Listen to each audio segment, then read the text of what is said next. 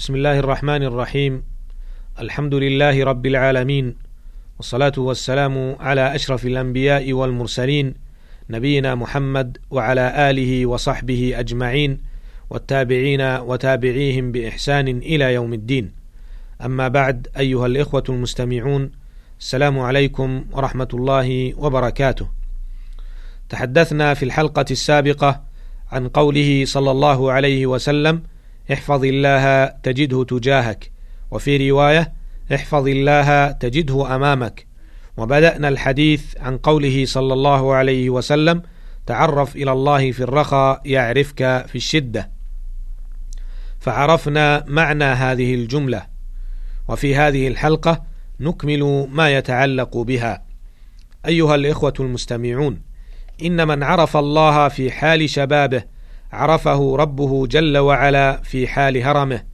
ومن عرف الله تعالى في حال صحته عرفه الله جل وعلا في حال مرضه. ومن عرف الله تعالى في حال قوته ونشاطه عرفه الله تعالى في حال ضعفه.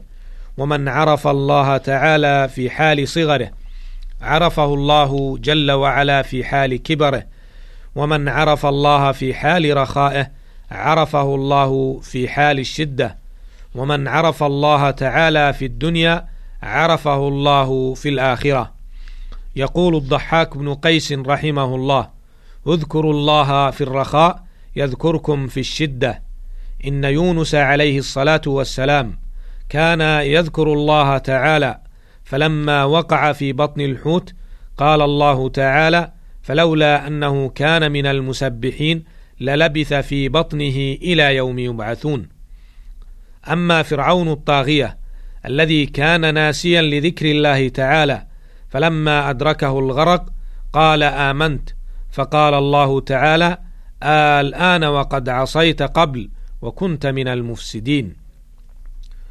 وروى الشيخان في صحيحيهما عن عبد الله بن عمر بن الخطاب رضي الله عنهما أنه قال سمعت رسول الله صلى الله عليه وسلم يقول انطلق ثلاثة نفر ممن كان قبلكم حتى آواهم المبيت إلى غار فدخلوه فانحدرت صخرة من الجبل فسدت عليهم الغار. فقالوا إنه لا ينجيكم من هذه الصخرة إلا أن تدعوا الله بصالح أعمالكم. قال رجل منهم اللهم إنه كان لي أبوان شيخان كبيران وكنت لا أغبق قبلهما أهلا ولا مالا أي لا أقدم عليهما في الشرب أحدا فنأى بي طلب الشجر يوما فلم أرح عليهما حتى ناما أي لم أرجع إليهما فحلبت لهما غبوقهما فوجدتهما نائمين فكرهت أن أوقظهما وأن أغبق قبلهما أهلا أو مالا. فلبثت والقدح علي في يدي على يدي أنتظر استيقاظهما حتى برق الفجر. والصبية يتضاغون عند قدمي أي يصيحون من الجوع. فاستيقظا فشربا غبوقهما. اللهم إن كنت فعلت ذلك ابتغاء وجهك ففرج عنا ما نحن فيه من هذه الصخرة. فانفرجت شيئا قليلا لا يستطيعون الخروج منه. قال الآخر اللهم إنه كانت لي ابنة عم كانت أحب الناس إلي. وفي رواية كنت أحبها حبا كأشد ما يحب الرجال النساء فأردتها عن نفسها فامتنعت مني حتى ألمت بها سنة من السنين. أي نزلت بها سنة من السنين المجدبة فجاءتني فأعطيتها عشرين ومائه دينار على أن تخلي بيني وبين نفسها ففعلت. حتى إذا قدرت عليها. وفي رواية فلما قعدت بين رجليها قالت اتق الله ولا تفض الخاتم إلا بحقه فانصرفت عنها وهي أحب الناس إلي. وتركت الذهب الذي أعطيتها. اللهم إن كنت فعلت ذلك ابتغاء وجهك فافرج عنا ما نحن فيه. فانفرجت الصخرة غير أنهم لا يستطيعون الخروج منها.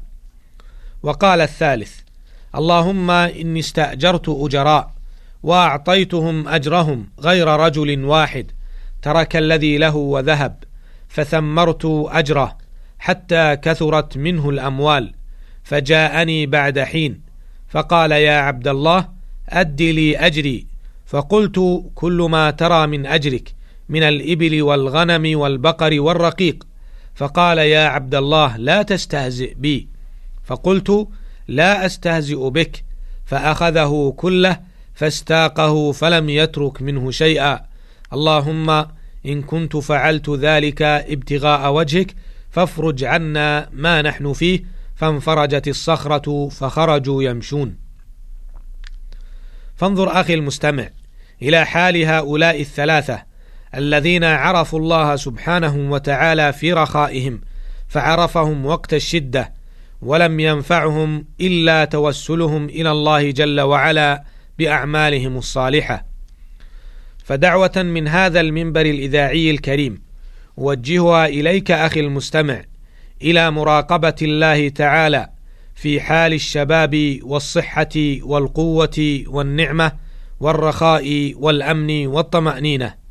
دعوة أوجهها إليكم لتلجأوا إلى الله تعالى بدعوات صالحة بأن يغير من حالكم إلى الأصلح والأمثل فإن حال الصحة والقوة والشباب لا تلبث إلا وأن تتغير ما دام الليل والنهار سائرين وهذه سنة الله تعالى في الكون.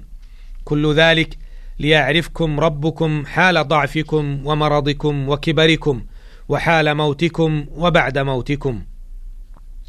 قوله صلى الله عليه وسلم إذا سألت فاسأل الله وإذا استعنت فاستعن بالله. هذه جملة عظيمة كلماتها قليلة ومعانيها كبيرة نقف معها عدة وقفات. الوقفة الأولى أن هذه الجملة موافقة لقوله جل وعلا إياك نعبد وإياك نستعين فإن السؤال هو الدعاء هو دعاء الله جل وعلا والرغبة إليه والدعاء هو العبادة. فقد روى الترمذي من حديث أنس بن مالك رضي الله عنه عن النبي صلى الله عليه وسلم أنه قال الدعاء هو العبادة. فتضمن هذا الكلام أن يسأل الله ولا يسأل غيره وأن يستعان بالله دون غيره. أيها الإخوة المستمعون لنلجأ إلى الله سبحانه وتعالى وحده بالسؤال. فقد قال وقال ربكم ادعوني أستجب لكم.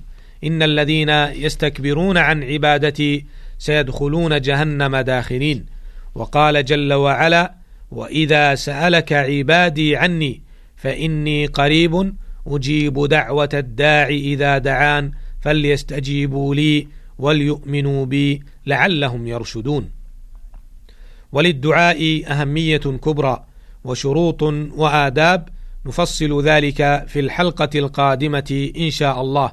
أسأل الله تعالى أن يرزقنا حسن عبادته وقوة الاستعانة به. إنه سميع مجيب وهو المستعان. وإلى اللقاء في الحلقة القادمة إن شاء الله. والسلام عليكم ورحمة الله وبركاته.